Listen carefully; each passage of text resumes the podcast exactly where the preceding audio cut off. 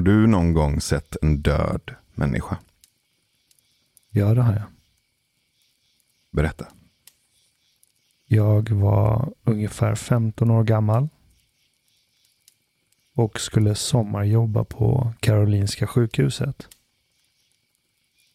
Och så var det en uttagning där man fick olika positioner och min position blev någon sorts springpojke på ortopediska avdelningen.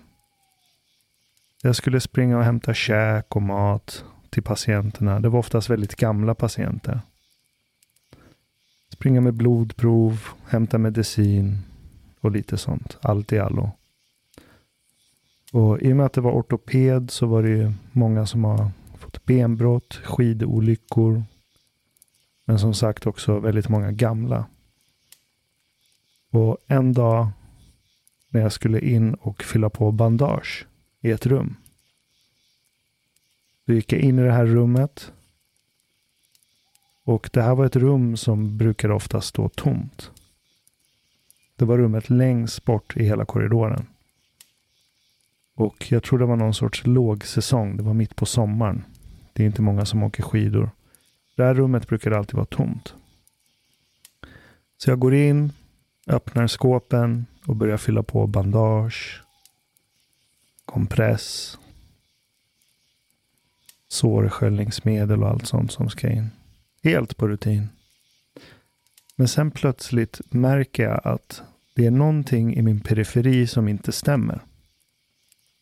Den här tomheten i rummet var inte lika närvarande den här gången. Men jag fortsätter placera ut bandage och allt sånt. Mm. Tills det här i periferin börjar tränga in mer och mer mitt medvetande. Det jag till slut behöver vända mig om för att se vad det är som inte är rätt. Och när jag vänder mig om så ligger en död dam. Någonstans mellan 90-95 år. Ser jättefridfull ut. Med händerna på varandra vid bröstet. Hon verkade vara tvättad och gjord i ordning. Och så låg hon där med stängda ögon. Och fastän det visuella var bland det fridfullaste jag sett. Så har jag aldrig någonsin varit med om en känsla av skräck och kalla kårar hon bara sköts genom hela mig som en blixt. Och jag blev bokstavligen fastfrusen. Jag visste inte vad jag skulle göra. Jag bara stod och stirrade på ett lik. Och sen gick jag ut och var jättearg på de andra. För att de inte har sagt att det är en död person där inne. Mm. Och deras svar var så här, jaha, vi visste inte att det skulle vara något problem. Det är inget vi liksom trodde att vi behöver underrätta dig om. När du stod där i rummet, hur visste du att hon var död? Bra fråga. Jag visste inte det. Jag bara intuitivt kände att det här är en död person. Du vet när man kör bil ibland. Mm. Och så plötsligt behöver man tvärnita. Och kroppen reagerar långt innan medvetandet ens hinner vakna till och förstå vad som har hänt. Mm. Det var kroppen som förstod att det är en död person. Så kalla kårarna och chocktillståndet och att jag stod fastfrusen och blev iskall i hela kroppen. Allt det där skedde långt innan jag ens förstod att det var en död person där. Men jag kände det. Nästan som att det är evolutionärt.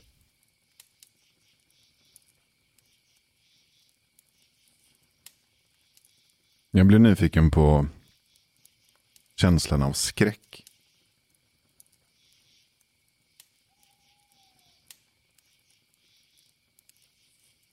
Det var en känsla av skräck. Och jag kan inte förklara varför. För i hela det där chocktillståndet då tänkte en del av mig vad fridfull hon är.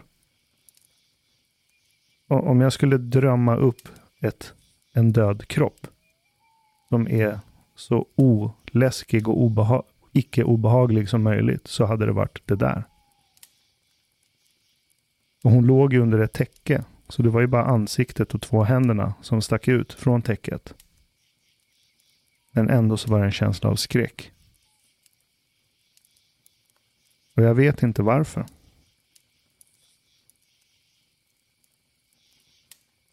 Har du sett en död kropp någon gång?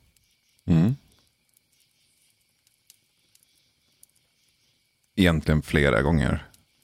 Och några gånger med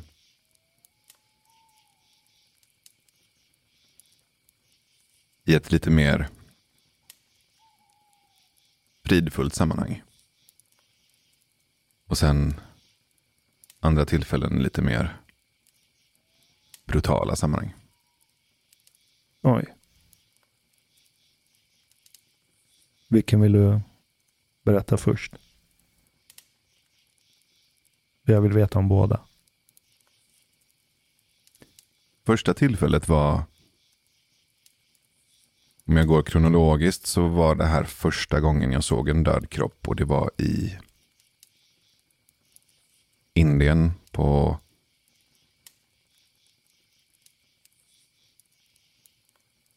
Nej, det var mitt i stan. Det var en ung man som hade blivit påkörd och hade kastats ut genom bilen och som hade slagit i skallen och som låg död vid sidan av vägen. Och då låg det glassplitter och blod och bitar av bilen runt honom och människor som stod runt honom och det var ganska kaotiskt. Och brutalt. Och den här livlösa kroppen var ganska sargad. Han hade uppspärrade ögon. Och ansiktet var förvridet. Han dog ju mitt i livet. Han dog också mitt i en chock. Och det var som att det ögonblicket frös fast i hans ansikte. För det var det sista han upplevde. Och där hamnade jag i någon form av freeze och tyckte det var hemskt och läskigt och äckligt. och visste inte vad jag skulle göra eller tänka. Hur jag skulle make sense av det som hade hänt. Jag kanske var 23. Och några år senare så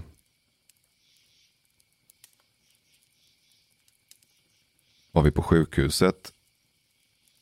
Där min dotters mammas farmor låg inför döden. Hela familjen var där. Min dotter var kanske sex månader gammal. Jag hade henne i famnen. Och den här gamla kvinnan var på väg. Det var hennes sista stund alla vi var där. Det fanns en förberedelse på det som skulle komma. Och vi stod runt henne i en halvmåne. Höll på henne, eh, klappade henne på håret. Några grät. Några stod och pratade. Det var en mjuk och vacker situation. Även om sorgen var där och smärtan fanns såklart också. Även om hon var uppåt 85-90. Så fanns det en tydlig känsla av avsked. En, en melankoli. Ett sista hejdå och inget mer Vi ses sen.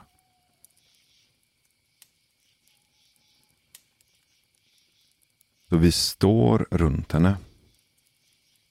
När hon tar sitt sista andetag. Wow.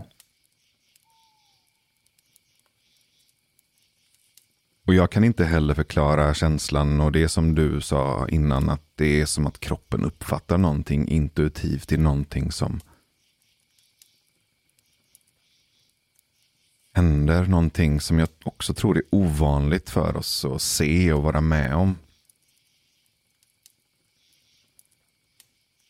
Men kunde du, kunde du känna sekunden då livet släcktes? Ja. Det var så självklart när hon tog sitt sista andetag. Och när hon gjorde sin sista utandning. Så var det en punkt. Och inte ett kommatecken som alla andra utandningar. Och tänk dig att det ligger någon framför dig. Och andas in. Och sen andas ut.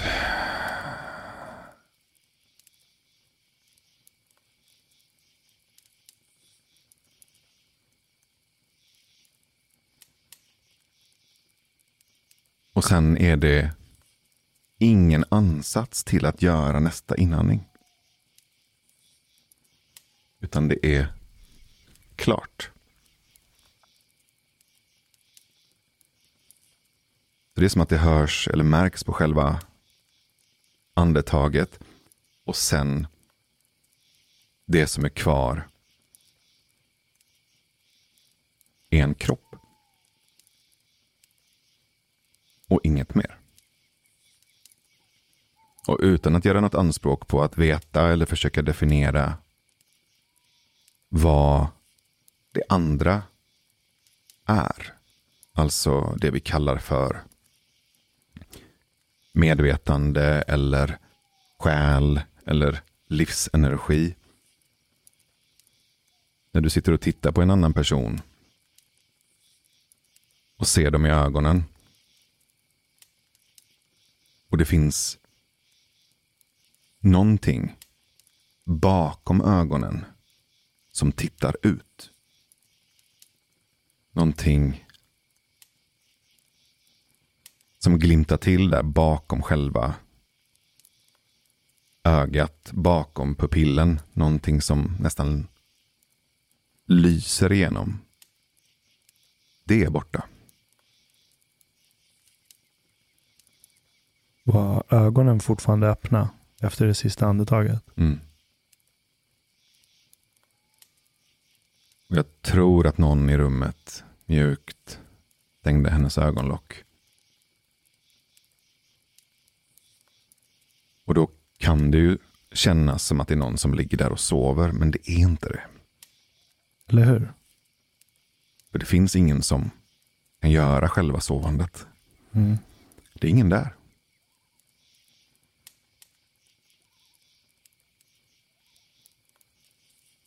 Det är exakt den intuitiva känslan jag hade när jag upptäckte att det låg en död dam på den här sängen. Att det var ingen där. Utan att jag ens hann analysera vad det är jag tittar på. Men kunde du make a sense av att se processen från att vara vid liv till att ta sitt sista andetag? Till skillnad från när du var i Indien.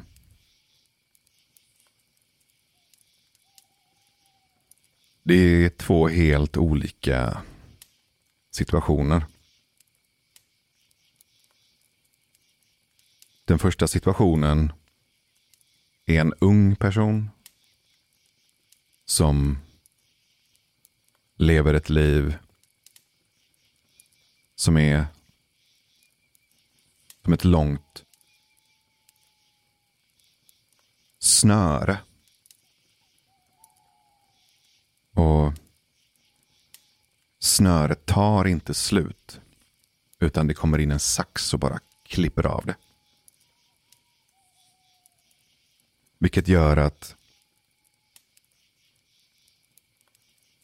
änden på snöret där själva klippet har skett är fransigt och abrupt och spretigt.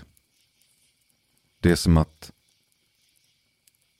någon har slutat prata mitt i en mening. Det finns ingen punkt. Det är bara en oavslutad replik.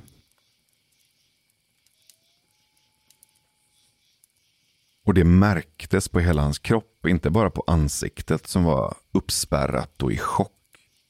Som en frusen polaroid som någon har råkat ta med blixt av misstag i ett mörkt rum. Det är bara chockade, uppspärrade ögon och det är som ett rådjur som har fastnat i strålkastarljuset på en bil.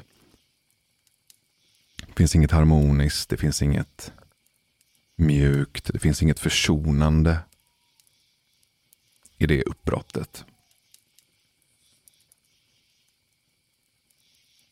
Och det är också mitt i myllret av människor, mitt i byn som är full av liv, brus och sprakande aktivitet så ligger det bara ett tomt kärl.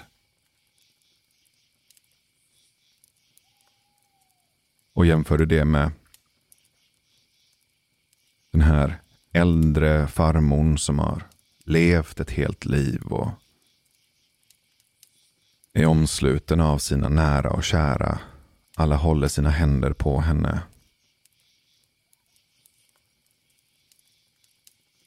Och hon säger ett tyst farväl. Och sätter punkt. Och få prata till punkt.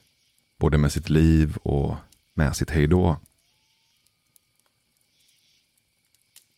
Och att det sker inte mitt i andetaget utan hon gör en sista utandning, sätter en punkt och sen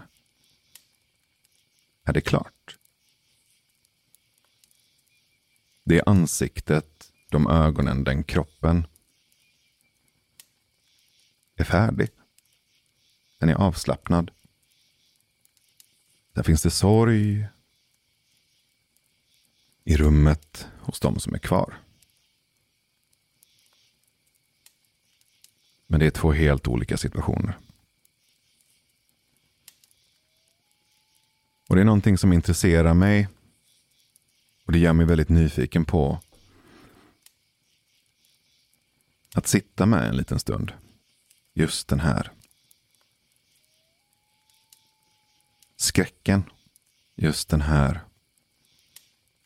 ovanan vid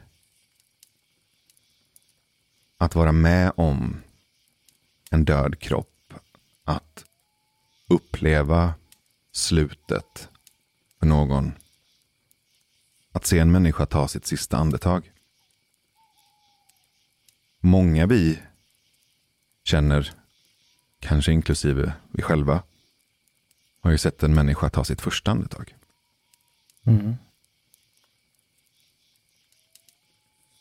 Men ganska få har sett en människa ta sitt sista andetag. Eller ens upplevt en kropp som har andats klart. Döden är som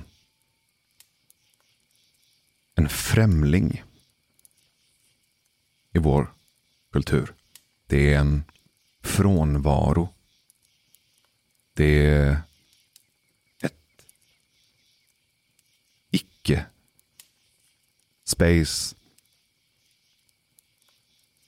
Som avståndet mellan bokstäverna i en mening. Vi pratar knappt om det. Vi tittar knappt på det.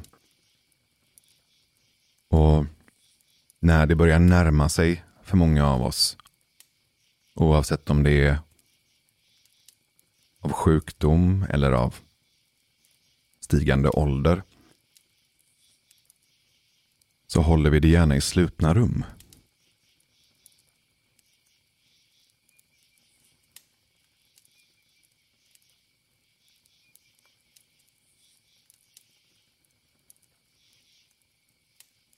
Ser du en begravning i Sverige som ett slutet rum?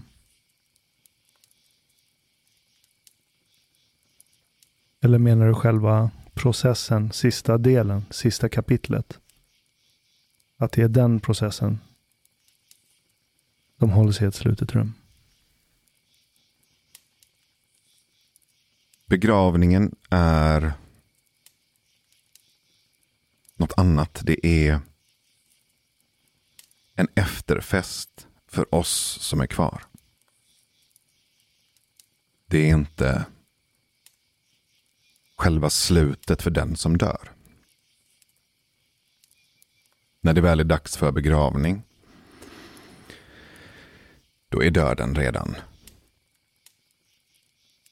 klar med sitt arbete. Och det är en ritual för oss som inte har dött än. För att vi ska sätta punkt. För att vi ska släppa taget. Både om kroppen och personen och alla de meningar som har bildat den här människans livsberättelse. När hon har satt punkt så är begravningen för oss att vända sista bladet, stänga boken och ställa upp den i bokhyllan.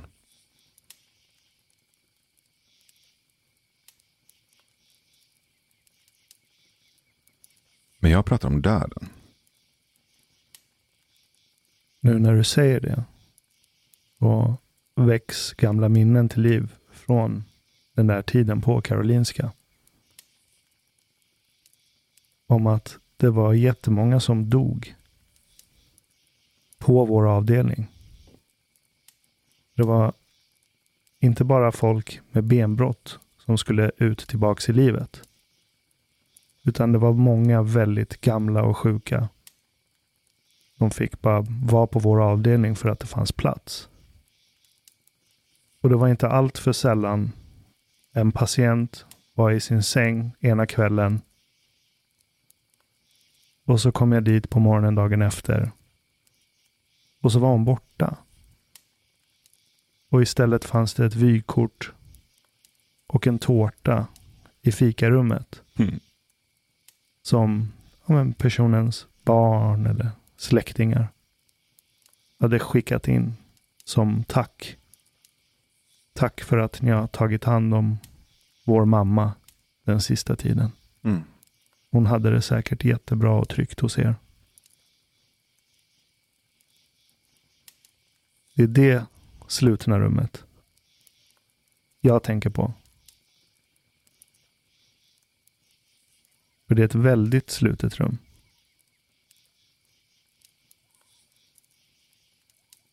Där i många av fallen så var den döendes allra närmaste på mils avstånd. Mm.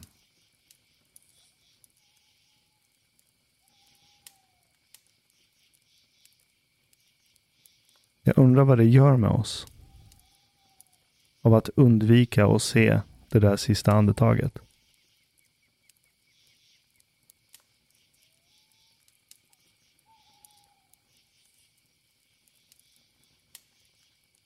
Jag tror det är svårt att prata om döden utan att prata om rädsla. Du sa skräck. Som är väldigt mycket rädsla. Man har jävligt bråttom. Mm. Mm. Och vi är rädda för det vi inte ser.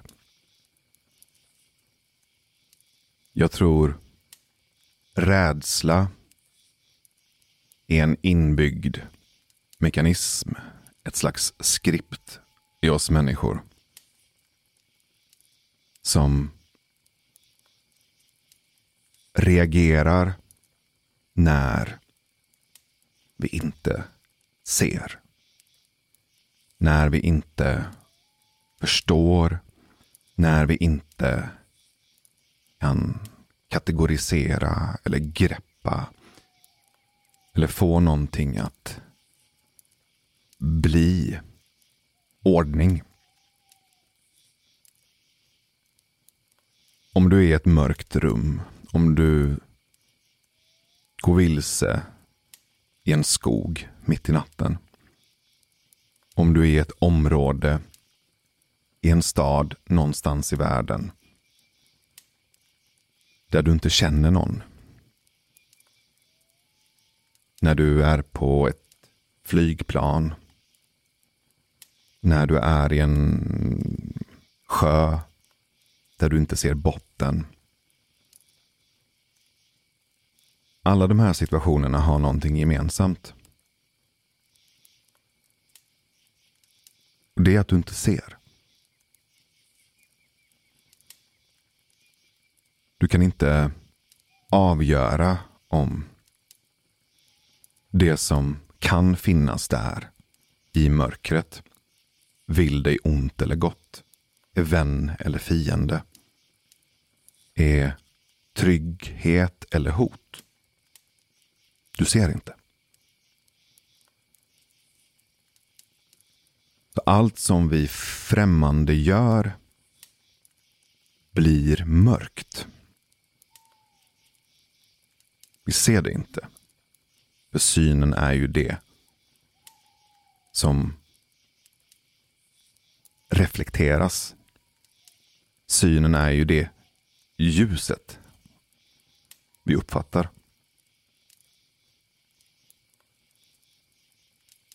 Att leva i en kultur där döden är det yttersta mörkret. Döden är den ultimata främlingen. Och inte bara att vi inte vill lära känna honom. Utan just för att vi inte vill lära känna honom så har vi låst in honom i slutna rum skjuter undan blotta tanken på honom trycker undan varje samtal om honom och låtsas som att han inte finns. Som om vi skulle kunna leva utan att erkänna att hans närvaro i vårt liv är det som gör vårt liv levande.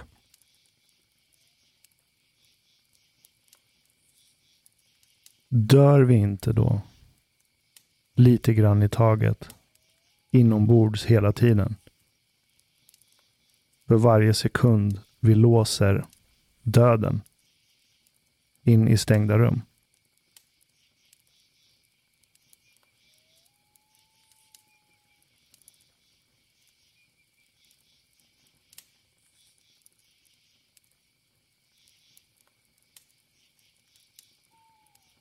Dör vi?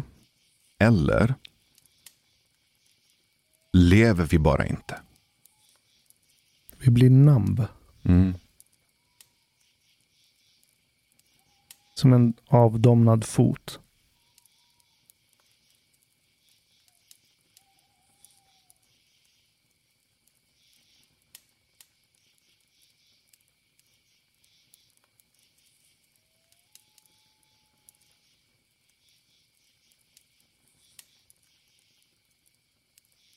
Jag tror inte att det är en slump att den svenska kulturen, att leva i Sverige som vi gör tillsammans med tio miljoner andra undvikare av döden Kanske en och annan som inte gör det. Förmodligen. Jag tror det gör någonting med oss. Att vi undermedvetet och samtidigt jävligt aktivt låtsas som att döden inte finns och är central i allas våra liv. Och jag tror inte att det är en slump att en av effekterna av det är att det blir en ungdomsdyrkande kultur. För det blir som något slags neurotiskt greppande efter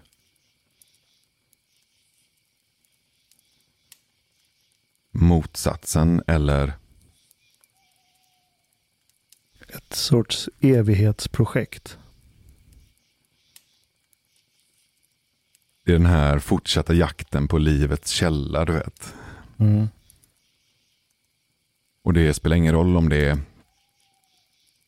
botox, skönhetskrämer som motverkar rynkor. Eller vuxna människor som klär sig som tonåringar. Eller en besatthet av nya trender, nya idéer, nyheter. För mig går det här ihop med ett undvikande av att det här kommer ta slut.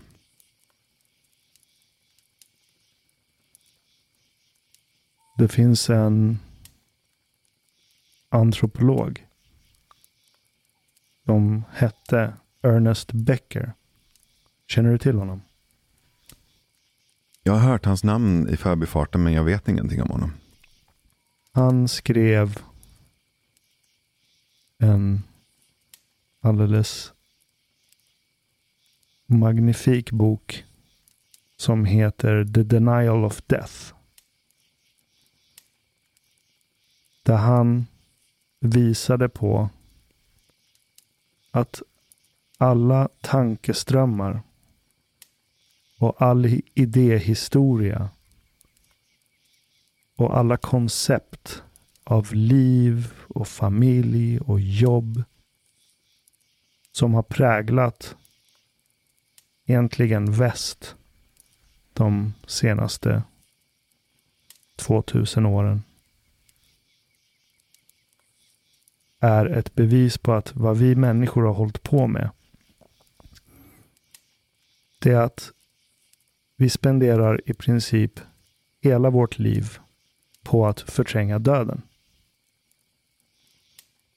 Nästan varje handling vi gör är ett sätt för oss att förtränga döden. Och han myntade ett begrepp som han kallade för odödlighetsprojekt. Att vi människor springer runt och försöker hela tiden iscensätta någonting som ger oss illusionen av att vara odödliga.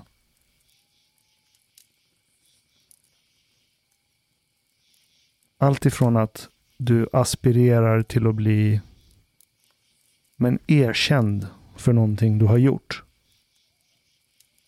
Där idealet idag kanske är att du ska bli någon sorts entreprenör eller lyckad musiker eller lyckad någonting. Så att du för evigt ska bli ihågkommen. Det är ett sätt för dig att dämpa din ångest inför döden.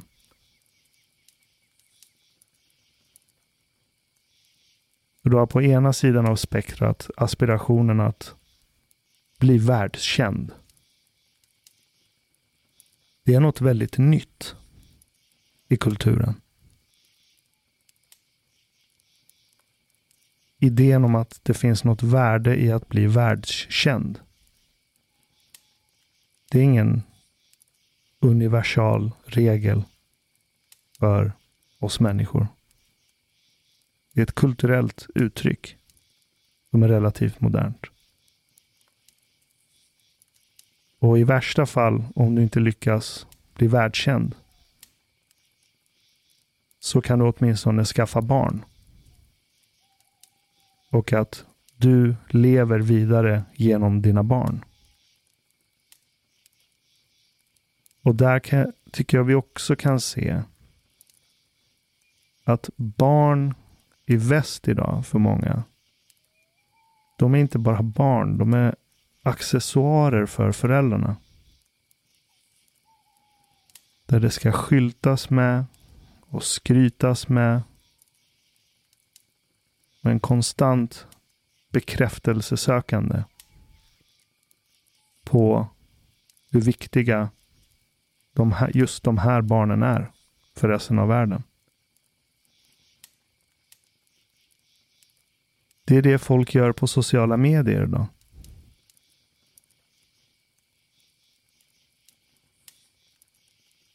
Jag tror att folk vill bli ihågkomna. Så det här odödlighetsprojektet som sker kollektivt med en slags desperat längtan efter att skapa ett legacy. Precis. Oavsett om det är med ett monument, ett gigantiskt byggnadsverk med ditt efternamn i guldbokstäver högst upp på toppen.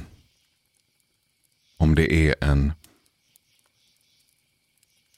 bok, ett album, ett barn. Vad det än är som är ditt odödlighetsprojekt så är energin i det väldigt desperat. Och när jag provar att gräva lite djupare under den desperationen så finns det ju en rädsla för att inte bli ihågkommen. En rädsla för att inte vara odödlig. En rädsla för att inte veta vad döden är. Och jag tror att det är det som ligger där under. I källan. Och pumpar. Och skrapar. Och krafsar sina klor underifrån mot taket. Och vi sitter där uppe i vardagsrummet och låtsas som att ingen hör att någonting, någonting lever där under i källan. Och så låtsas vi ha tebjudning. Och allt är bra. Och alla vet att det är bara en chimär. Det är bara en väldigt, väldigt labil illusion.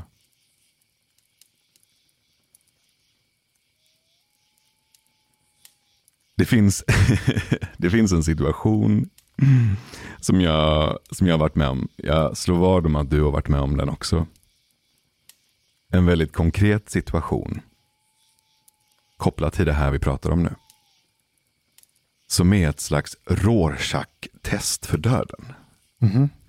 Du vet vad ett Rorschach-test är? Ja, det är väl när man har obskyra bläckfigurer på ett papper och ska du tolka vad du ser. Mhm. Och utifrån det ska man kunna avgöra om personen har någon viss mental sjukdom eller inte.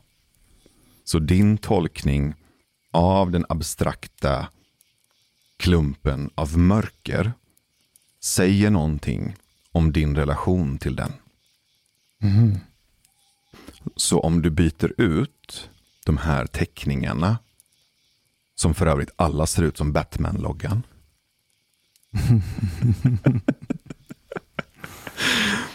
Om du byter ut de här bläckplumparna på psykologens kartongpresentation mot den största bläckplumpen av dem alla, nämligen döden. När du flyger. Du sitter på ett flygplan och plötsligt så blir det turbulens. Och jag pratar inte om lite skakningar. Jag pratar inte om att du hör kapten säga Ja, mina damer och herrar. Vi flyger alldeles strax in i ett eh, lite turbulent område. Så sitt kvar på era platser och håll säkerhetsbältena fastspända. Så kommer vi alldeles strax att vara igenom det. Inte den. Har du någon gång varit med om att det är så mycket turbulens. Det är sånt oväder. Att planet störtdyker. Det har jag varit med om. Har du lagt märke till vad som händer i dig då och vad som händer runt omkring dig då? Det blir tyst. De gånger jag har varit med om det. Mm. Och det brukar bli tyst när personalen själva går och sätter sig och spänner fast sig. Det är någonstans under den processen då hela kabinen slutar prata. Och så hör du bara våldet utanför den här metalltuben.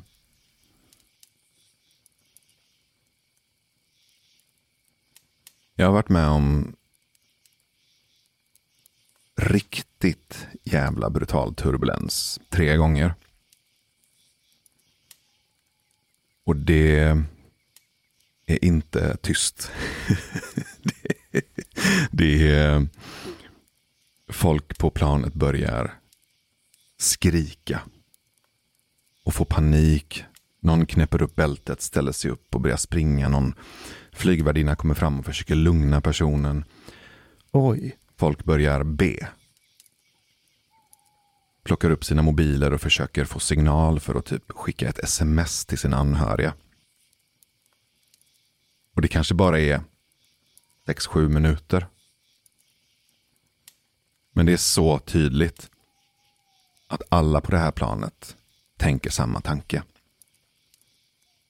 Kommer du ihåg vart du flög någonstans? Mhm. Jag flög från Köpenhamn till Marseille. Första gången jag upplevde det. Okej, så mycket fransmän. Fransmän och svenskar. Mhm. Andra gången jag upplevde det var från Teheran till Göteborg. Och då var det inte turbulens. Då var det en annan kaosfaktor som skapade panik på planet. Jag och min syster sitter bredvid varandra. Mina föräldrar sitter bakom. Jag och syrran sitter och lyssnar på musik eller kollar film, jag minns inte. Och så tittar jag upp på den här animerade bilden av kartan. Du vet med flygplanet som en liten ikon som rör sig över kartan. Och de här strecken som kommer efter planet som markerar själva rutten. Ja. Plötsligt så vänder den här lilla flygplansikonen. Vi har flugit ungefär halvvägs. Så den vänder på den här animerade kartan. Och börjar röra sig tillbaka mot Teheran. Oj. Samtidigt kommer det en manlig flygvärd med ett skräckslaget uttryck i ansiktet. Och skyndar sig fram till en kvinna som sitter framför mig och min syster. Och viskar någonting till henne. Hon ställer sig upp. och börjar skrika. Och vänder handflatorna upp mot taket och börjar skrika åt Gud. Jag är 18, min syster är 13. Jag tar av mig hörlurarna, kollar på henne. Hon ser rädd ut. Jag vänder mig om till min pappa. Han ser lite fundersam ut. Vad fan är det som händer? Och den här kvinnan bara fortsätter skrika mot Gud. Varför? Varför? Varför? Varför tog du honom ifrån oss? Hon förbannar Gud. Och sen så hör vi kapten prata i högtalarsystemet. Inte den här lugna, jag ska ta er fram tryggt och säkert rösten, utan en darrig röst som säger, finns det någon läkare ombord? Och det visar sig att andre piloten har fått en hjärtattack och dött. I cockpit. Och det här sprider sig som en löpeld över hela planet. Du vet, det är iranier. och folk får fullständig panik. Ställer sig upp, börjar springa, gråta, skrika. Folk börjar röka. Cigaretter ombord i ren panik. Planet vänder tillbaka till flygplatsen i Teheran. Vi kliver av igen. Ställer oss i gaten. Och genom det här stora fönsterglaset ut mot flygplanet så ser vi hur de lyfter ut hans kropp ur cockpit. Utan någonting på. Och bär iväg honom till en bil som kör iväg. Sen kommer den gamla besättningen ut ur den här tunneln som går från flygplanet till gaten. Mm. Rödsprängda ögon, sänkta blickar. Helt utmattade kroppar. Bara går de förbi oss som spöken. Går iväg i korridoren. Och du vet, vi står ju där. Hela befolkningen i det här lilla planet och sen så ser vi några minuter senare så kommer det en ny besättning. Pigga, glada, lugna blickar. Och de har ingen aning om vad som precis har hänt. Jag tror inte de har fått veta det. Vi går på planet igen. Och sen flyger vi tillbaka till Göteborg. Och tredje gången sitter jag på ett flygplan från San Jose till Tambor i Costa Rica Det är ett pytte, pyttelitet plan. Med åtta platser. Jag hatar de där planen. Och det är en sträcka på kanske 30 minuter. Planet är så litet så att piloten har backspegel. så han han eh, tar ut handen genom ena fönstret i cockpit och rätar till backspeglarna på planet. Det är ett skämt. Det är ett litet sånt här propellerflygplan. Och den här halvtimmen är bland det sjukaste jag varit med om. Det var en total känsla av nu dör vi. Nu är det slut. Rorschach-testet i den här situationen. När du konfronteras med din stundande död. Med den här gigantiska bläckplumpen. Det är hur du reagerar. Och som jag sa, människor reagerar på väldigt olika sätt i de här olika situationerna. Vissa börjar be till Gud, vilken Gud det än är. Andra börjar skrika, några blir tysta. Några blundar.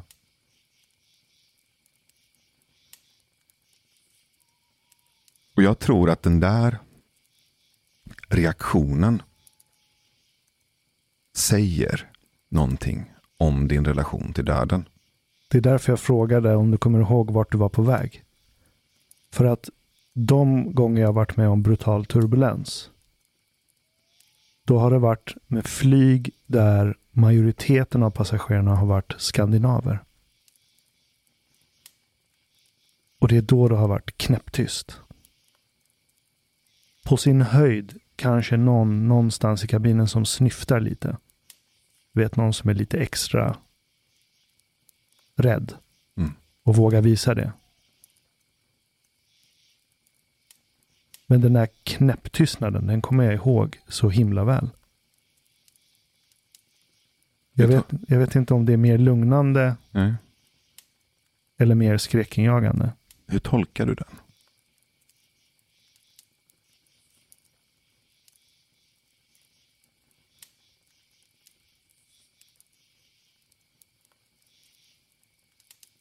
Men du blir tyst när du inte vill reagera.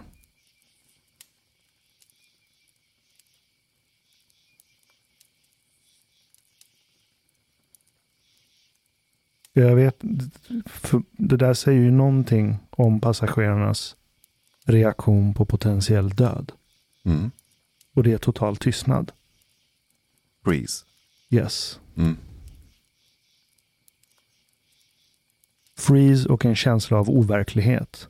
Mm. Att det här kan inte vara på riktigt.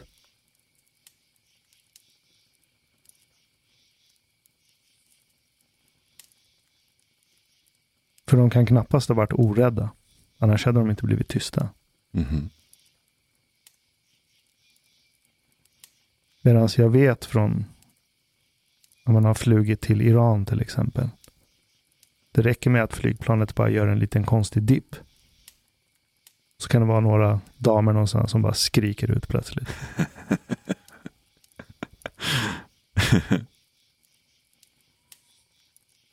Mm.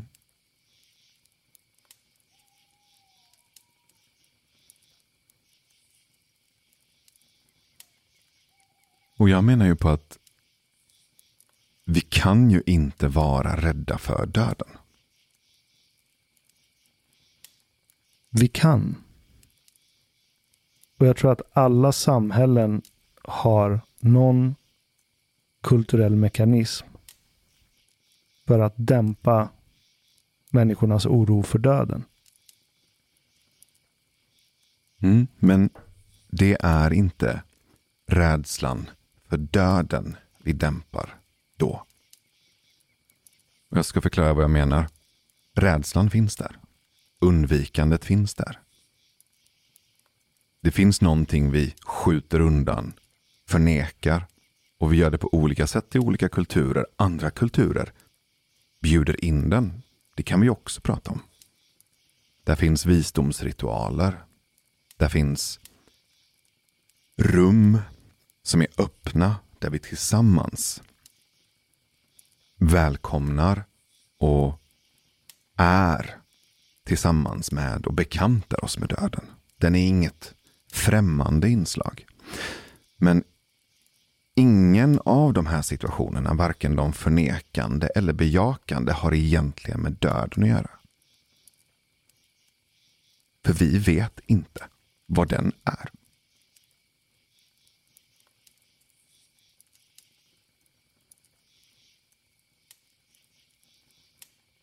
Och det är rädslan för döden alla ritualerna handskas med, inte döden självt. Nej. Det går inte. Du kan inte vara rädd för någonting du inte vet vad det är. Du kan vara rädd för att du inte vet vad det är. Om att bli kär är ju ett slags icke-vetande. Du vet, det heter ju att fall in love. Du faller. Du vet inte vad som kommer hända. Det är inte upp till dig. Du bara faller rakt ner i ett icke-vetande tillsammans med en annan människa. Och alla dina kontrollsystem går totalt berserk. Det är en väldigt våldsam företeelse. Så det är, det, är ett, det är ett frågetecken. Om vi låter frågetecknet representera icke-vetandet. Att bli riktigt förälskad är ett frågetecken. Att få sparken är ett litet frågetecken. Att bli förälder är ett litet frågetecken. Att resa till en helt ny stad. Att komma in i ett nytt sammanhang. Det finns en massa små frågetecken i våra liv. Saker vi inte vet. Döden är den sista dörren med ett stort jävla frågetecken på. Det är det största icke-vetandet av dem alla. Det är Bowser Koopa i slutet på Super Mario. Skillnaden är att du ser Bowser. Och du vet vad som händer efter Bowser. Ingen ser bortom den här gigantiska dörren. Ingen vet någonting om någonting bortom den här gigantiska dörren. Det är alla världsreligionerna, eller många av dem, inte alla, lovar oss är trösten bortom den här gigantiska dörren. But they don't know jack shit. Det är det Ernest Becker menar med odödlighetsprojekt. Att religion är en sådan variant. Mm. För att de flesta människor av olika anledningar kommer inte bli någon världskänd profet. Eller det som är inne i vår kultur, någon entreprenör eller musiker eller vad det ska vara. Vad de flesta människor gör det är att vi hakar på andras odödlighetsprojekt. Och blir en del. Vi absorberar in oss själva i någon annans odödlighetsprojekt. För att få någon sorts illusion av att det finns någonting på andra sidan dörren.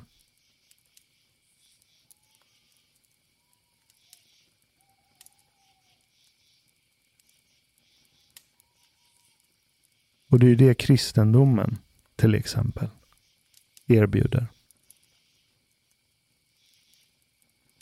De har byggt en hel värld på andra sidan den dörren. Mm. Sagor. Och det är det självförverkligandet egentligen också är ett försök till att göra i vår kultur. Mm. Där det finns någon sorts oskriven myt. Att när du är självförverkligad så kommer du inte vara rädd för döden längre. Och därav visdomen. Gör sakerna som du inte ångrar att du inte gjorde på din dödsbädd. Och jag vet inte riktigt om man någonsin kan finna någon tröst i det när man ligger i sin dödsbädd. Nej. Det är ju samma sak med hela transhumanismen. Trans betyder ju överskridande. Mm. Och det transhumanismen desperat försöker göra är ju att överskrida den här tröskeln. Att ha en kollektiv illusion, a.k.a. en psykos. Om att det går att plocka bort den här stora dörren med frågetecknet på. Och förlänga livet. Och leva så länge som möjligt. Det är ju det ultimata odödlighetsprojektet. Absolut. Att bli de facto odödlig. Mhm.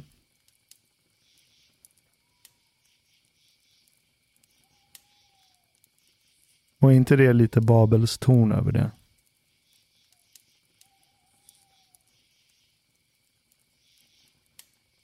Hur då?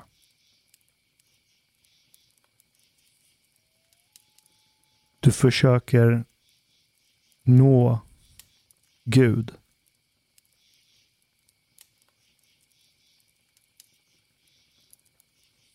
Eller du löser problemet med att du aldrig kan nå Gud. Genom att aldrig behöva hamna i den sitsen.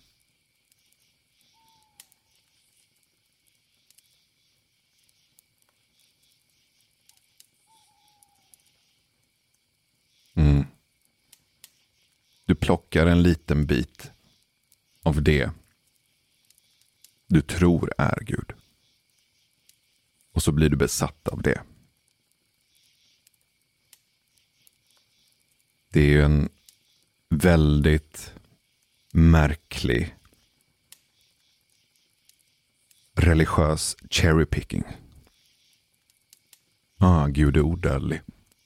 Mm. Då ska jag också bli det. Ja, fast det är inte det som är Gud. Det är inte det som är grejen. Det är inte det som är kärnan.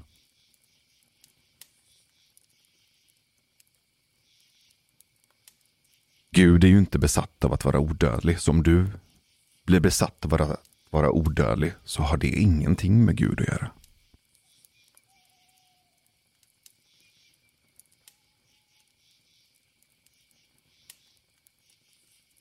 Och det, det finns någonting i det här som jag inte ser. Apropå att stå framför en mörk skog. Och jag tänker mig nu att du och jag står framför den här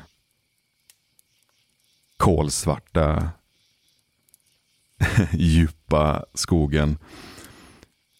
Och så tänker jag att vi kanske börjar kliva in i det här och utforska det här tillsammans. För att det är läskigt att inte se och inte veta. Det är jävligt obehagligt att gå in i mörker. Det är lite lättare att göra det med en kompis. Har du tänkt på hur sjukt det var resten när vi var små? När vi var barn. Och vi skulle gå och lägga oss och sova. Du är fem år gammal. Och ute i vardagsrummet är lamporna tända, tvn är på, dina föräldrar sitter där och dricker chai. Och så säger de, okej okay, Ashkan, nu är det dags att gå och sova. Du ska, fem år gammal, gå in i ett mörkt rum, stänga dörren och lägga dig ensam och vänta på att falla ner i ännu ett mörker ensam. Hela premissen är helt åt helvete. För att det som händer när du somnar är ju en liten mikrodöd. Och att du ska gå och lägga dig i ett mörkt rum och göra det själv. Och att vi säger det till våra barn. Gå och lägg dig. Aha, jag vill inte. Nej, men det är dags att gå och sova nu. Klockan är nio. Och du vet det här motståndet som finns hos det lilla barnet att gå och lägga sig. När man börjar förstå vad det är. vad det är vi kräver av dem då blir det så tydligt. Varför det är jobbigt att gå och lägga sig som barn. Varför barn är rädda för mörker. Det är som att vi slutar förstå hur jobbig den skräcken är och var den kommer ifrån.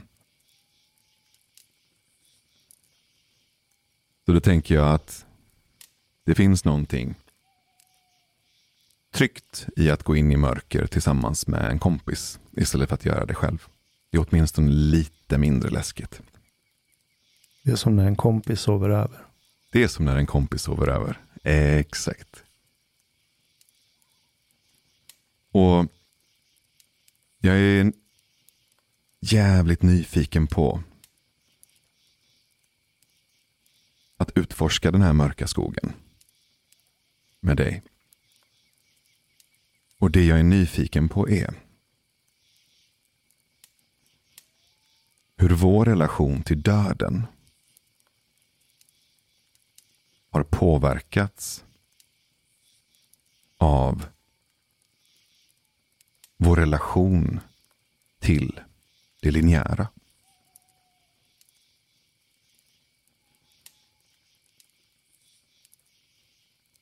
Hmm.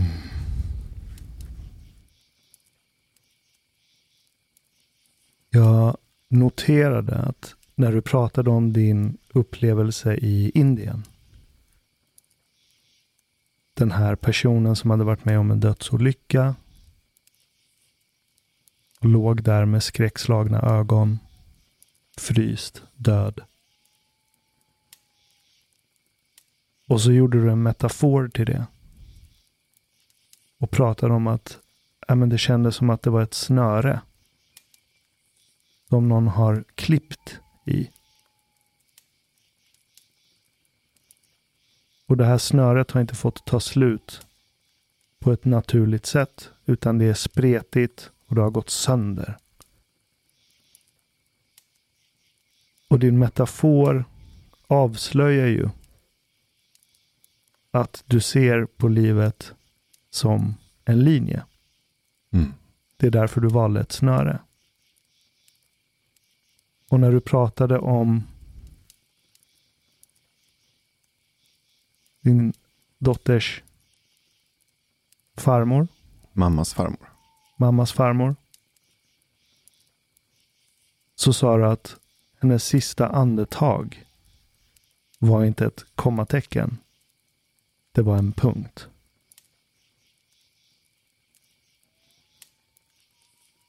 Och jag har också försökt hitta ett samband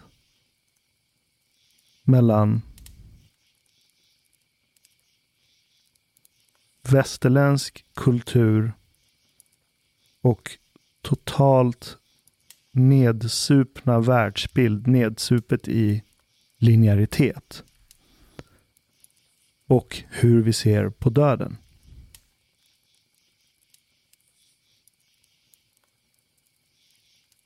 Och linjäritet är ju en effekt av att vi i 2500 år nu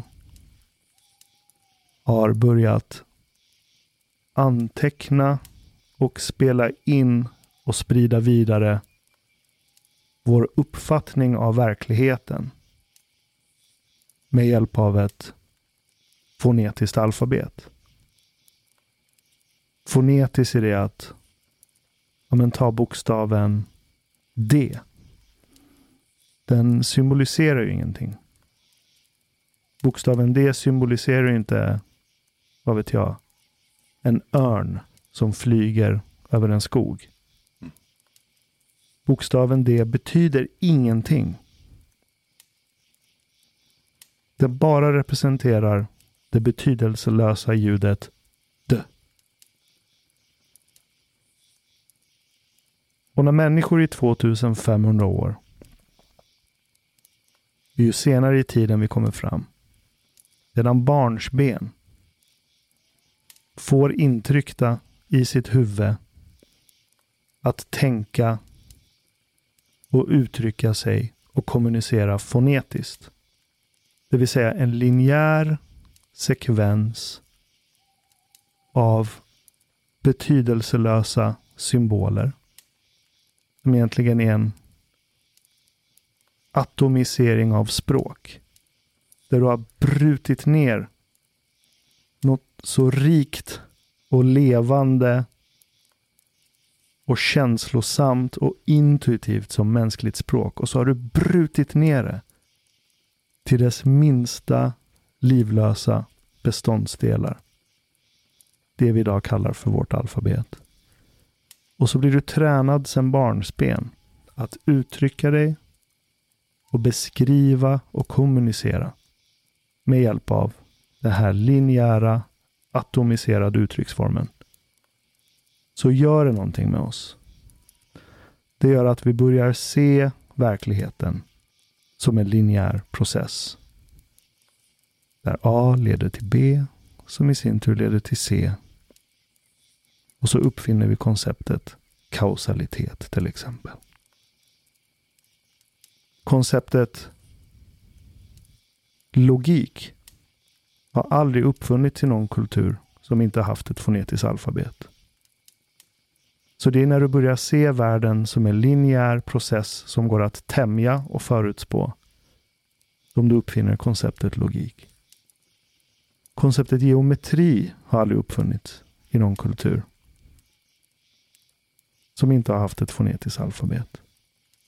Där du uppfinner en illusion av världen som består av raka linjer, perfekta cirklar, perfekta trianglar och där en linje kan fortsätta i all evighet. Så det är vad ett fonetiskt alfabet gör med oss. Vi ser världen som linjär. Vi antar att allting går att bryta ner och atomisera till sina beståndsdelar. Idén om atomen kom efter att människor började tänka fonetiskt. Idén om att vi är separerade individer mm. från resten av stammen kom efter att vi började tänka fonetiskt.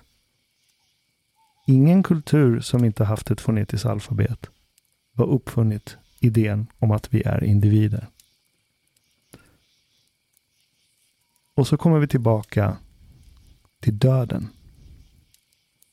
Där vi ser oss själva som en separerad, atomiserad individ. Vars upplevelser och handlingar och liv går längs en linje. Då har du också sagt att det finns en början och ett slut. Yes.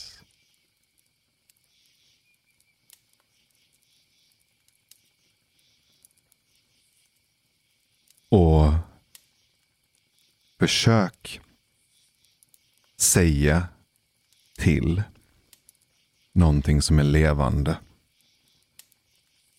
att det kommer ta slut och se hur det reagerar. det finns eh, en övning du kan göra för att förstå en människa på djupet. Att du förstår var den här människan står när hon tittar på livet. Så genom att fråga den här frågan som jag snart kommer att ställa så kommer den här personen ofrivilligt att avslöja sina existentiella GPS-koordinater. Oh. Jag testar den på dig. Mm. Nu vet du den, men du kommer ändå behöva svara på den. Fortsätt meningen livet är. Punkt, punkt, punkt.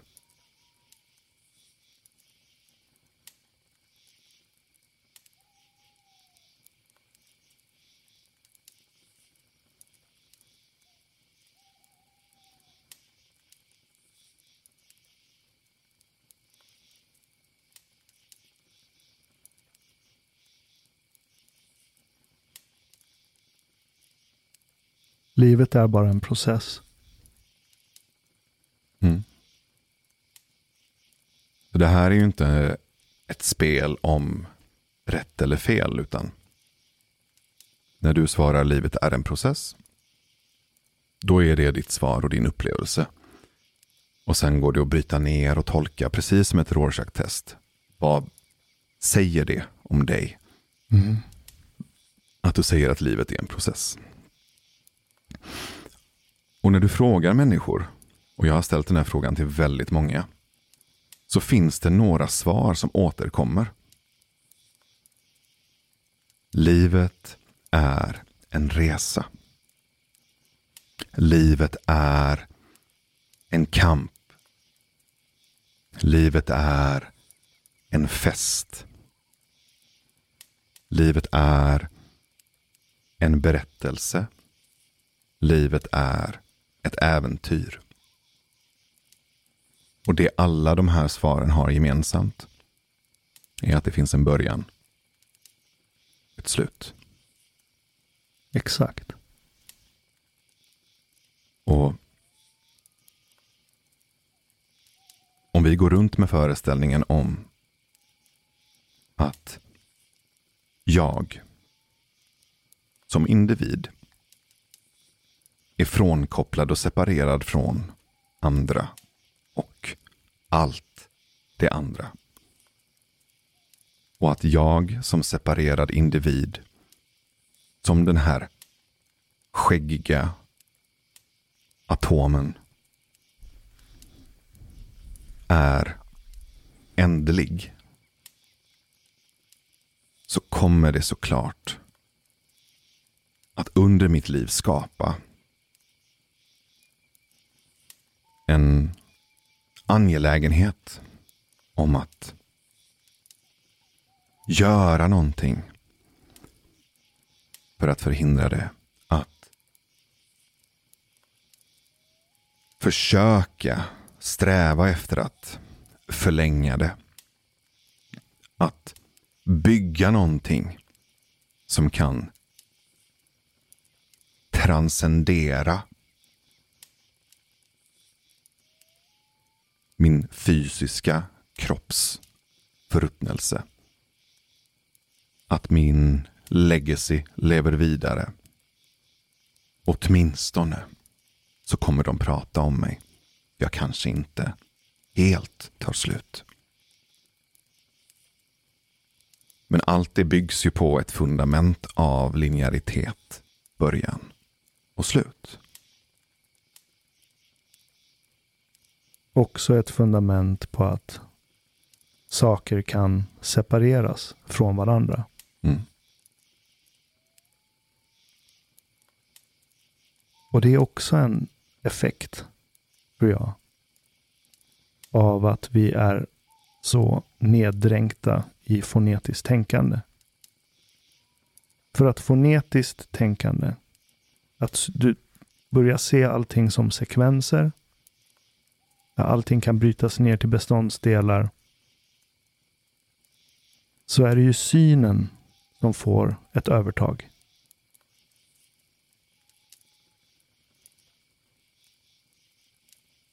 För det är med ögonen du kan bryta ner saker till beståndsdelar. mm, vet du vad jag tänker nu? Undrar om blinda har lika mycket dödsångest. Blinda kan ju inte bli schizofrena. Nej. Just det. Av någon anledning. Och där sätter du fingret på något som man vid en första början tror kan lösa knuten. Och jag trodde att jag var nära på att lösa den knuten.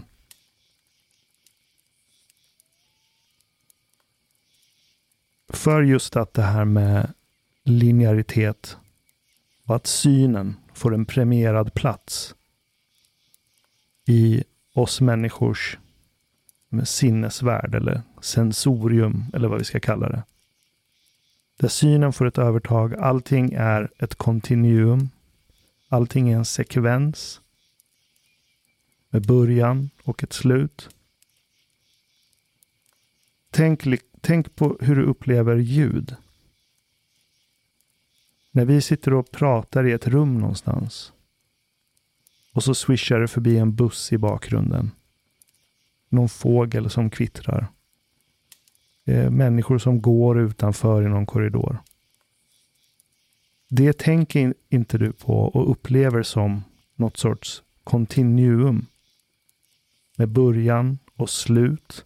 Där saker kan separeras. När du hör mig prata så separerar inte din hörsel varje bokstav jag uttalar. Utan du bara hör ett flöde. Mm. Utan ett tydligt början och slut. Och då tänkte jag att okej. Okay, men då borde ju kulturer som inte har en tradition av sekventiellt och linjärt tänkande och atomisering och individualisering av oss människor. Kulturer som inte ens bryr sig så mycket om konceptet jag. Och inte är så egofixerade. Och då upptäckte jag att det finns folk som har undersökt det här. Hur rädda olika kulturer är för döden. Och vet du vilka de hade som uttryckte mest skräck och rädsla inför döden? Vilket land? Ja, eller subgrupp eller religion eller kultur.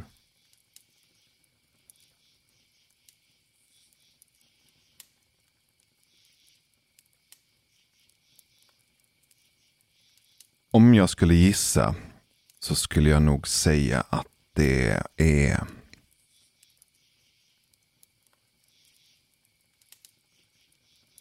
välutbildade sekulära västerlänningar. Det är ju så det borde vara.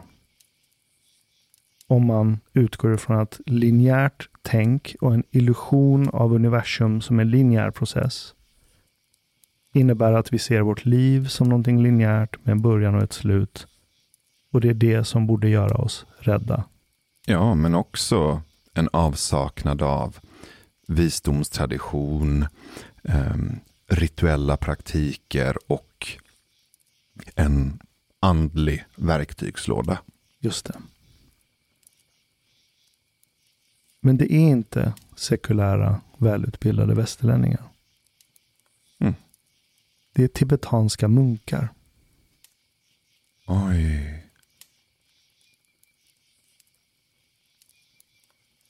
Och där bröt min världsbild ihop. Mm. Jag studsar lite på slutsatsen. För att jag vill först veta vad det är för fråga de har svarat på.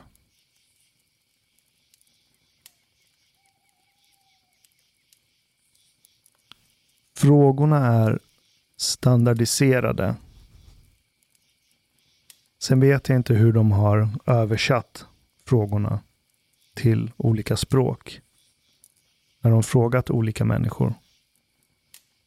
Men frågorna ämnar att ge svar på om man är rädd för att dö, mm.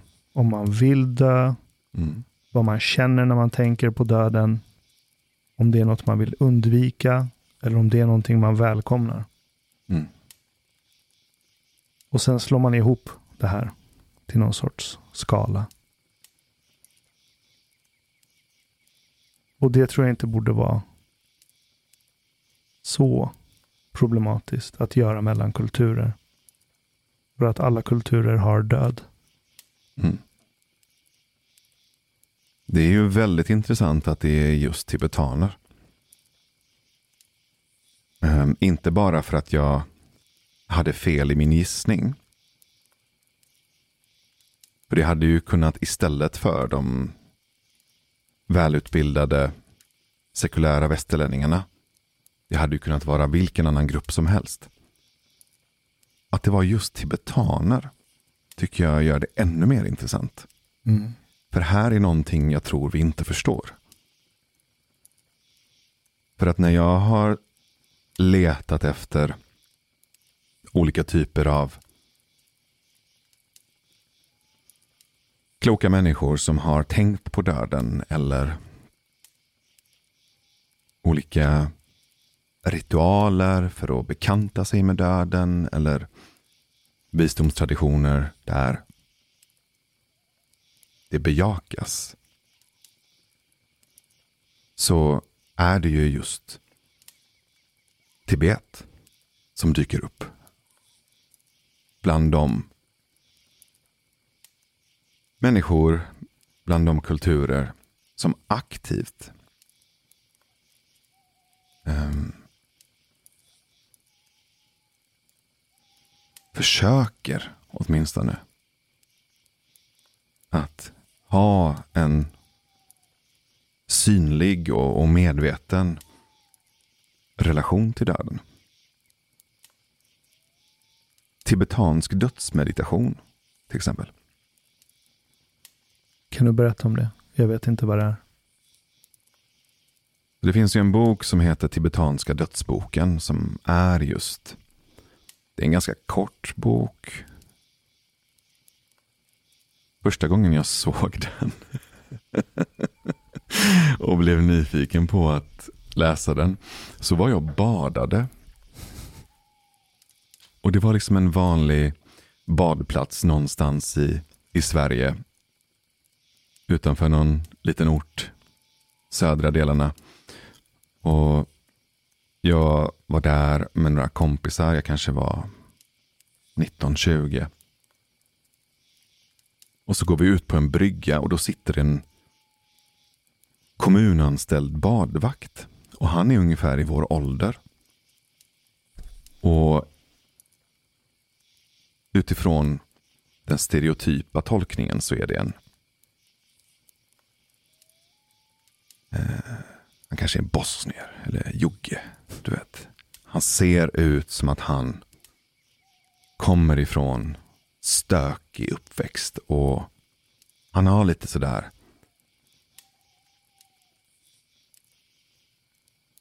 orten hållning i kroppen. Du vet. Mm.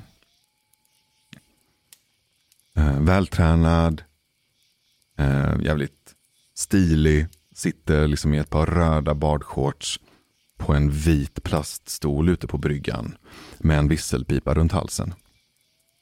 Under hans stol så ligger en bok. Och när vi går förbi honom för att hoppa i vattnet så kollar jag lite.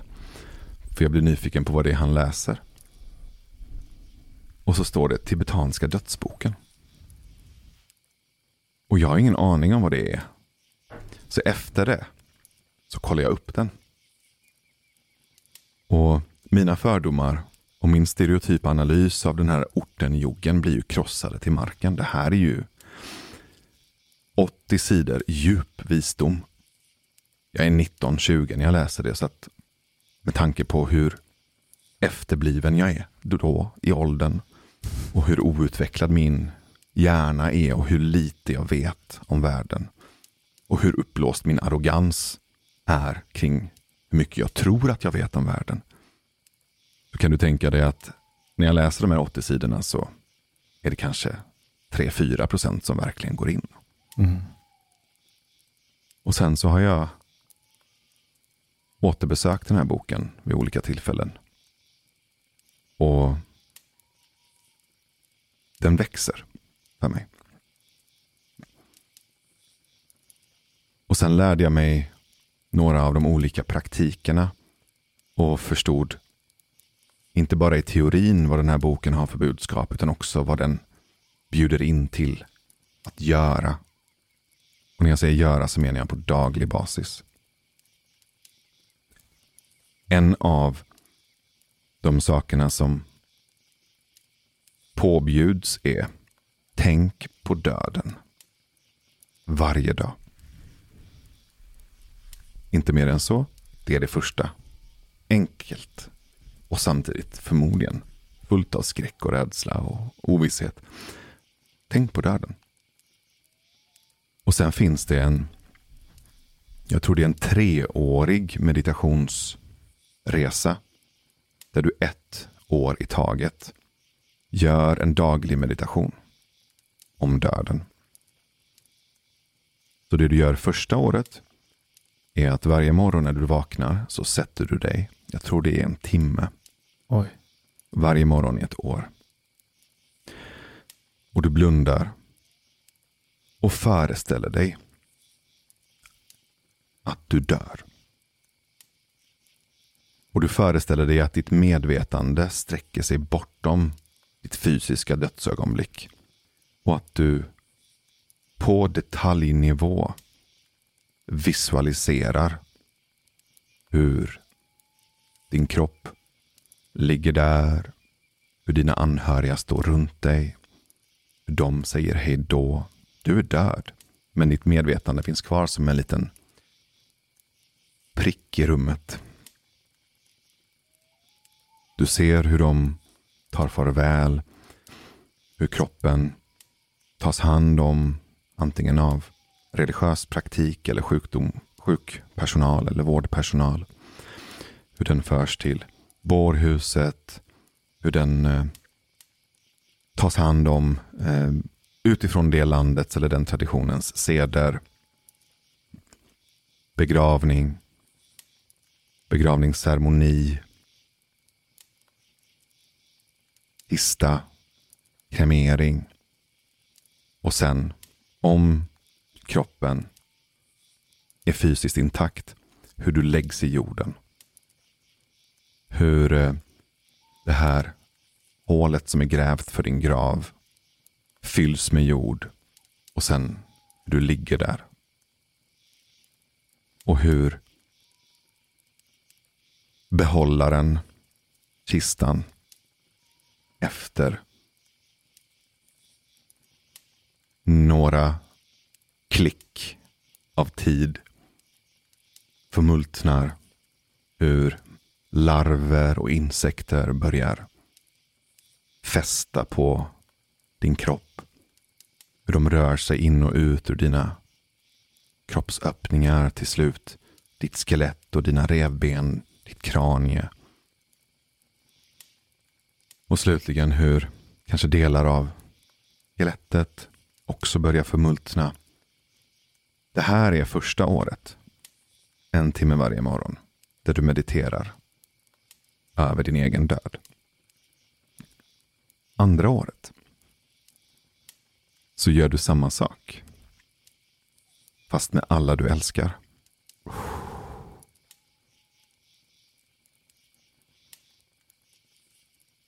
Varje morgon. En timme. I ett år.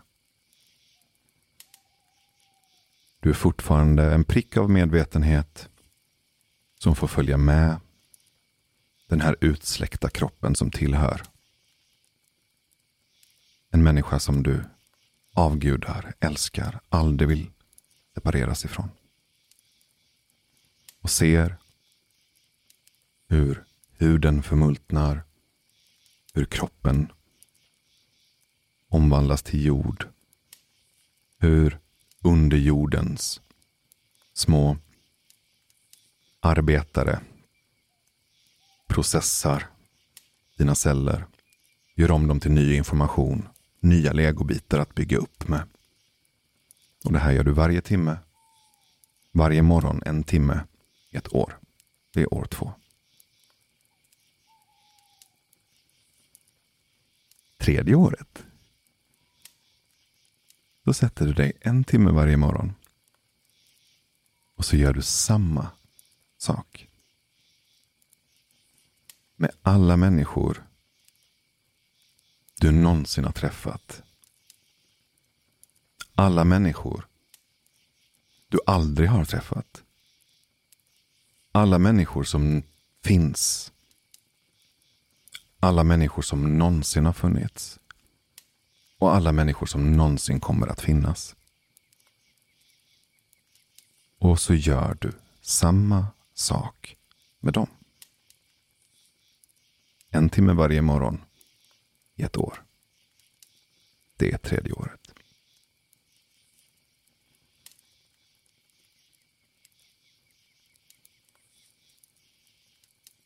Det finns lågstadie, högstadie, mellanstadie, folkhögskola, universitet. Och sen finns det tibetanska dödsstadiet som är tre år. Av en annorlunda skolbänk.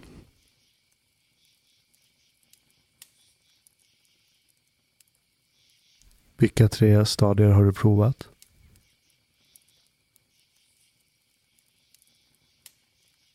Jag har inte vågat mig på den här än.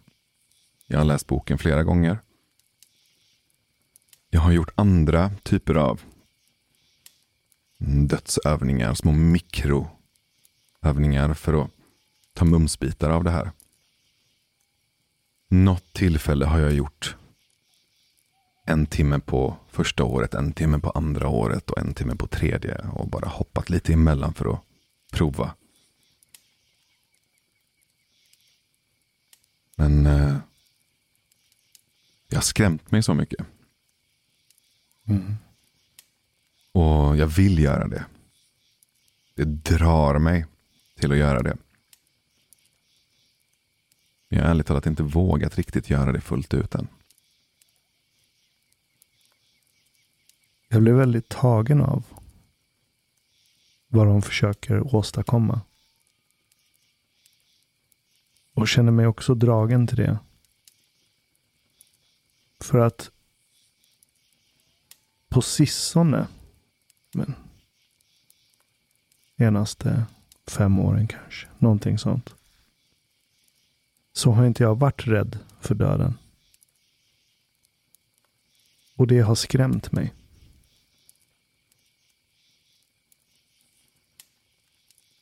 För det känns fullständigt irrationellt. Att inte vara det. Mm. För att vara rädd för det betyder inte att jag aktivt behöver undvika det. Det är ju två olika saker. Mm. Och jag är inte ute efter att aktivt undvika det. Men jag blir orolig för att jag inte ser den här stora svarta frågetecknet. Utan bara tryckt undan det. Mm. Jag hade sådana faser när jag var ung. Och så fort det började gå bra för mig i någonting. Typ att, men vad vet jag, att jag fått igång en musikkarriär eller något sånt. Då började jag få dödsångest. Men jag tror inte det var en äkta dödsångest. Utan det var mer någonting i mitt huvud sa, ja men typiskt. Nu när det går bra så kommer du dö. Jag undrar om det har, att just det, den sortens dödsångest. Jag var inte rädd för själva dödsprocessen. Jag var rädd för vad jag kommer gå miste om. Yeah.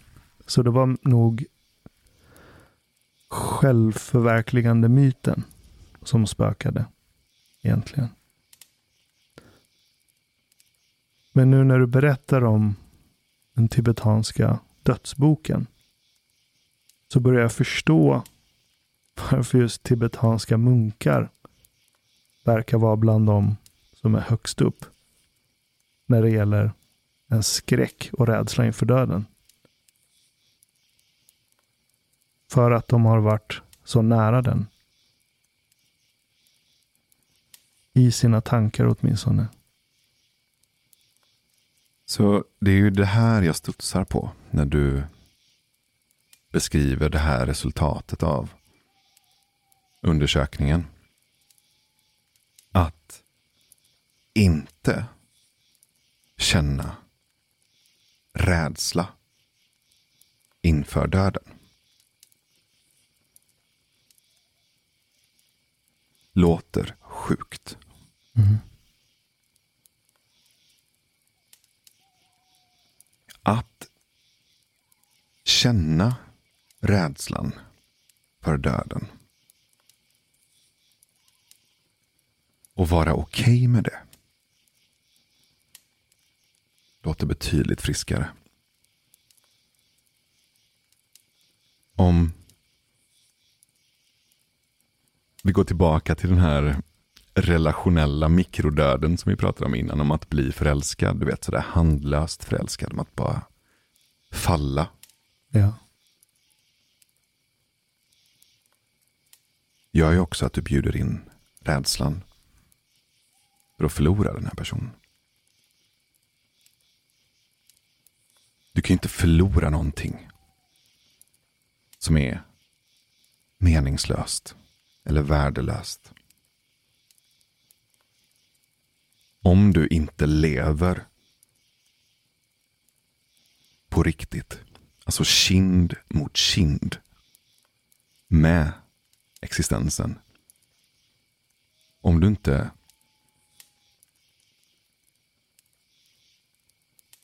känner dig levande. Hur fan ska du kunna känna dig rädd för att mista det livet?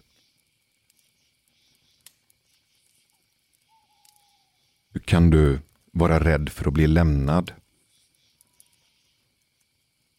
av någon du inte älskar? Som du inte bara har blottat ditt hjärta för. Det är ju först då det finns någonting att förlora. Det är därför kärlek är den ultimata våldsamma företeelsen.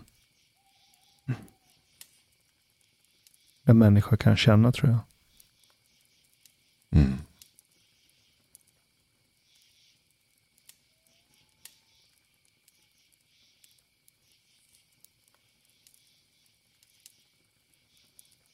Men det är fullt rimligt för mig att det är de tibetanska munkarna som är rädda nu.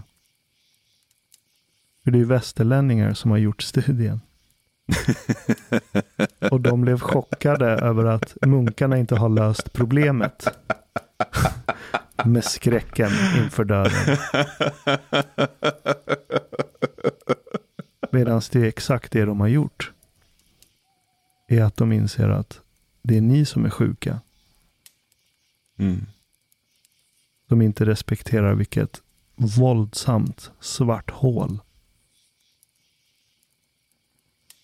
döden innebär. Mm. Mm. Mm.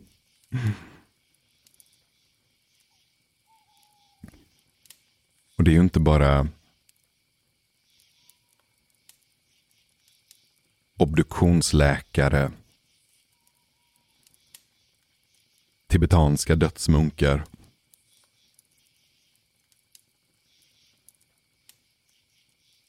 eller människor som jobbar på en kyrkogård. Som aktivt lever nära döden. Och lär känna döden på vardaglig basis. Konst är också en slags farkost i vissa fall. För att på ett nästan lekfullt sätt smaka på döden. En av mina absoluta favoritkonstnärer i alla kategorier, Marina Abramovic. Som är en häxa i ordets rätta bemärkelse. Mm-hmm. När jag säger häxa så menar jag det som en otrolig komplimang och ett sätt att lyfta en persons visdom. Ungefär som att säga lärare eller guru eller någon som tar en slags visdomsroll i i samhället. Och häxans roll är att skrämma livet in i människorna. Och det gör Marina.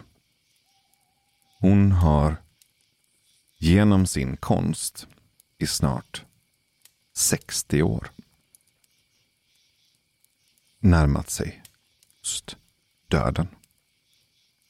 Utifrån devisen dö innan du dör. Så att du kan leva innan du dör. Och om du tittar på hennes olika konstverk, oavsett om det är när hon står uppe på ett konstgalleri på någon bergstopp i Österrike med hela den överklass av konstsamlare och konstkännare som har tagit sig dit. Där hon står 24 år gammal bakom ett träbord med 74 olika objekt. Där besökarna på galleriet under fyra timmar bjuds in att utifrån de här olika 74 objekten göra vad de vill med henne. Där ligger en ros. Där ligger en spritpenna. En kniv. Ett glas vatten. En pistol. 74 olika typer av objekt. Och hennes performance går ut på, hon står där fyra timmar och de får göra vad de vill med henne genom att använda de här 74 objekten. Och hon säger klart och tydligt att hon kommer stå där i fyra timmar oavsett vad som händer. Hon kommer inte säga stopp. Det är hennes performance. Hon lägger sitt liv på det här bordet. Och släpper helt taget om det. Två timmar in så står hon naken med klänningen sönderrivet runt hennes fötter. Med ett blödande pentagram inristat i magen. Gråtandes. Halva håret är avklippt. Hon har massa könsord inskrivna på pannan med spritpenna. Och det står en äldre man med en pistol mot hennes huvud. Och galleristen avbryter. Det här gör hon när hon är 24. Och sen fortsätter hon. För att dö innan hon dör så att hon kan leva innan hon dör. Men också för att skrämma livet rakt in i oss som ser henne göra det här.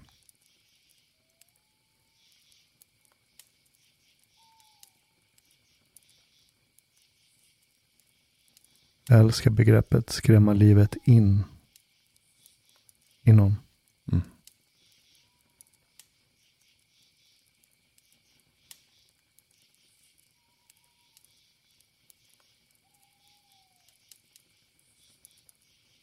Jag tror att det så kallade liv vi försöker leva genom att skjuta undan döden. På sin höjd är halvt, om ens det.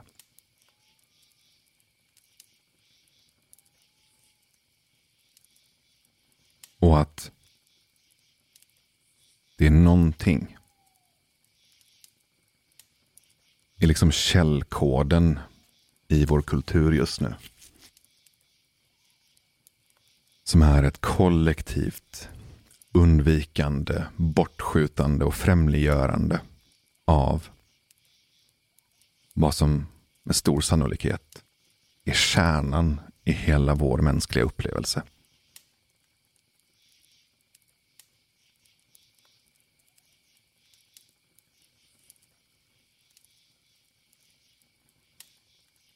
Slog mig att döden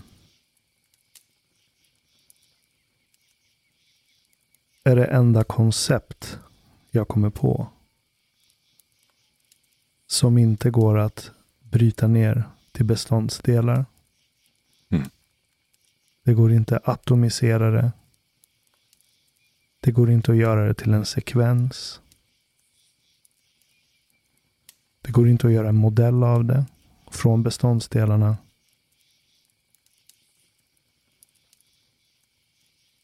Och vi kan inte se det.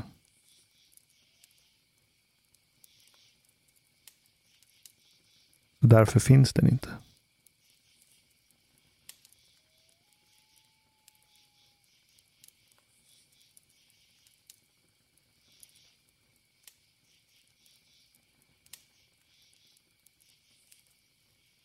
Det är så otroligt tankeäggande. Min hjärna blir nästan lite upphetsad. Av att tänka på, fantisera om. Hur det kändes att vara människa för 3000 år sedan. Eller 4000 år sedan. Eller 5000 år sedan. För linjär tid. Alltså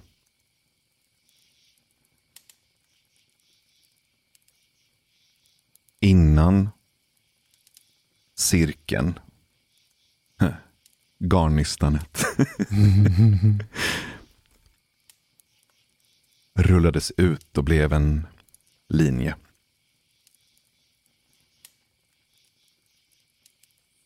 Jag har väldigt svårt att tro att vi relaterade till döden på samma sätt då. Jag har svårt att tro att vi var lika rädda för att bli bortglömda. Att inte lämna ett legacy. Att eh, människor skulle sluta prata om oss, sluta minnas oss, sluta sjunga sånger om oss. För att du var inte du då. Exakt. Du var inte separerad från de andra. Du var inte separerad från allt det andra. Det var så självklart. Och det var så integrerat i allt vi gjorde. Att vi är en liten del av ett cykliskt kretslopp. Utan början så finns det ju inte heller något slut. Att födseln är ju inte startpunkten. Det är ju bara en passage, right? Mm. Från någonting som var innan till någonting med nu. Så att om det inte finns en startpunkt en början på berättelsen. Då finns ju inte heller slutet på berättelsen. Den, det är bara Det är bara ett ständigt sjungande. Och det är stämsång. Och din sång har ingen början och inget slut. Det bara pågår ett sjungande. Och det är inte din sång, din stämma som är separerad och frontar som sångaren i ett rockband. Utan din stämma faller in i alla andra stämmor. Och det bara pågår ett sjungande.